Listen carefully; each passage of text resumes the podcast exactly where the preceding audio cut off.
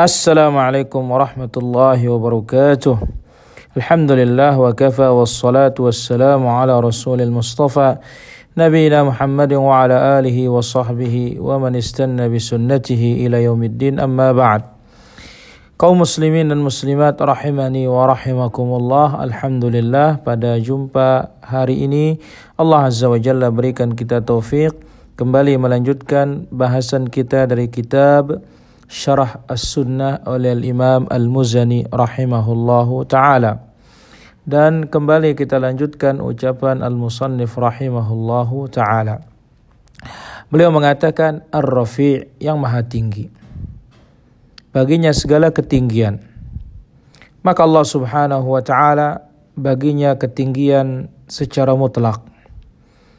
Tinggi tempatnya, zatnya, dan kedudukannya serta kekuasaannya. Sebagaimana firman Allah Subhanahu wa taala, "Yakhafuna rabbahum min fawqihim." Mereka takut kepada Rabb mereka dari atas mereka.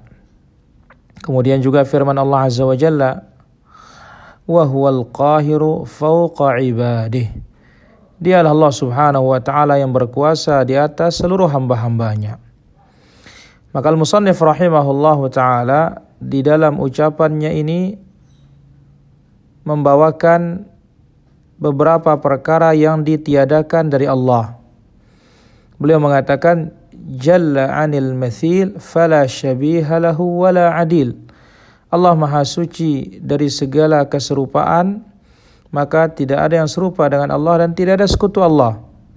Kemudian Al-Musannif menetapkan beberapa perkara bagi Allah Azza wa Jalla As-Sami'ul Basir, Al-Alimul Khabir, Al-Mani'ur Rafi' yang maha mendengar lagi maha melihat, yang maha mengetahui dan lagi maha teliti, kemudian yang maha tinggi. Maka Al-Musannif rahimahullah mengumpulkan antara an-nafi wal itsbat. Ada yang ditiadakan dan ada yang ditetapkan. Tentu ini sesuai dengan apa yang datang di dalam Al-Quran dan datang di dalam Sunnah Rasulullah Sallallahu Alaihi Wasallam. Dan inilah dia manhajus salaf as-salih dalam bab ini yaitu menetapkan bagi Allah nama-nama dan sifat-sifat yang maha sempurna sebagaimana yang Allah tetapkan bagi dirinya dan yang ditetapkan oleh Rasulnya Sallallahu Alaihi Wasallam dan meniadakan segala kekurangan dari Allah dan segala celah dan cacat sesuai dengan apa yang telah dia tiadakan oleh Allah dari dirinya dan apa yang ditiadakan oleh Rasulullah sallallahu alaihi wasallam dari Allah Subhanahu wa taala. Maka salafus saleh dan ahlus sunnah wal jamaah tidak melampaui dan tidak melangkahi Al-Quran dan Sunnah. Sebagaimana yang telah disebut oleh Imam Al-Auza'i rahimahullah ta'ala, naduru ma'as sunnati darat. Kita berputar ke mana sunnah itu berputar kita mengikuti dalil sesuai dengan apa yang datang. Kita mengikuti Al-Quran dan Sunnah. Kalau Al-Quran dan Sunnah menetapkan, kita tetapkan. Kalau Al-Quran dan Sunnah meniadakan, maka kita tiadakan.